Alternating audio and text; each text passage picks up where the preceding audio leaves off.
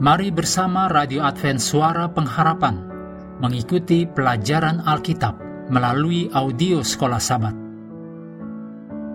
Selanjutnya kita masuk untuk pelajaran Rabu 25 Januari. Judulnya Allah memperhatikan persembahan kita.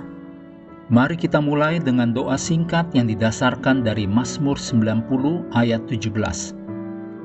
Kiranya kemurahan Tuhan, Allah kami, atas kami, dan teguhkanlah perbuatan tangan kami.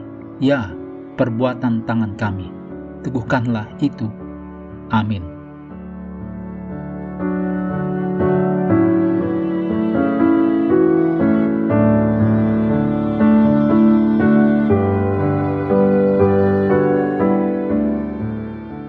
Markus 12 ayat 41 sampai 44 mencatat kisah persembahan dua peser dari seorang janda. Apakah kita kaya ataupun tidak?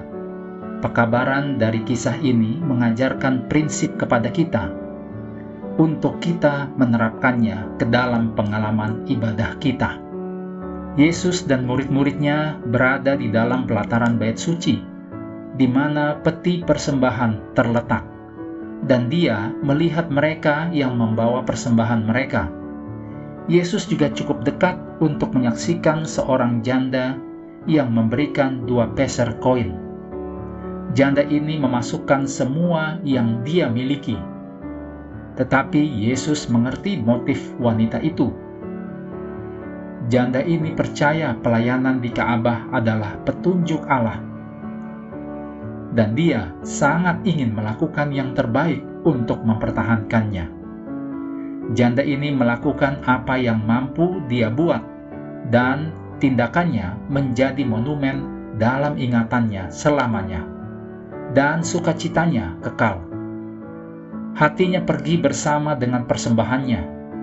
Nilainya dihitung bukan berdasarkan harga dari mata uang, tetapi melalui kasih kepada Allah dan ketertarikannya pada pekerjaan Allah yang telah mendorong perbuatan itu. Demikian kutipan dari buku Nasihat Penata Layang, halaman 175. Poin penting lainnya adalah hanyalah persembahan ini yang Yesus pernah puji sebagai sebuah persembahan kepada gereja yang hampir saja menolak Dia. Sebuah gereja yang sangat menyimpang dari panggilan dan misinya ditulis dalam Kisah Para Rasul 10 ayat 1 sampai 4. Mengapa perwira Roma menerima kunjungan dari malaikat surga? Apakah dua tindakannya yang diperhatikan surga? Tampaknya bukan hanya doa-doa kita yang terdengar di surga, tetapi motif persembahan kita juga diperhatikan Bagian ini mencatat bahwa Cornelius adalah seorang pemberi yang murah hati. Karena di mana hartamu berada, di situ juga hatimu berada. Demikian yang ditulis dalam Matius 6 ayat 21. Hati Cornelius mengikuti persembahannya.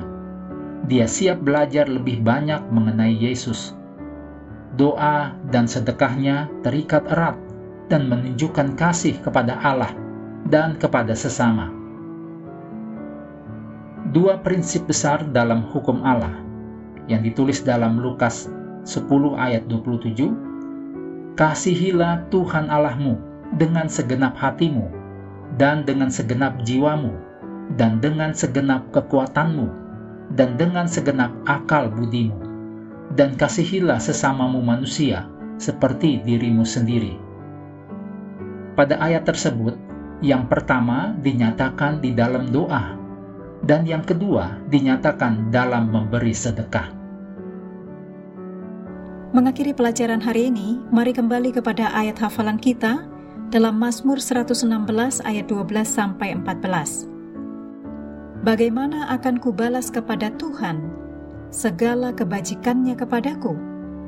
Aku akan mengangkat piala keselamatan dan akan menyerukan nama Tuhan akan membayar nasarku kepada Tuhan di depan seluruh umatnya. Kami terus mendorong Anda untuk mengambil waktu bersekutu dengan Tuhan setiap hari, bersama dengan seluruh anggota keluarga, baik melalui renungan harian, pelajaran sekolah sahabat, juga bacaan Alkitab sedunia percayalah kepada nabi-nabinya, yang untuk hari ini melanjutkan dari 2 Tawarif pasal 10. Tuhan memberkati kita semua.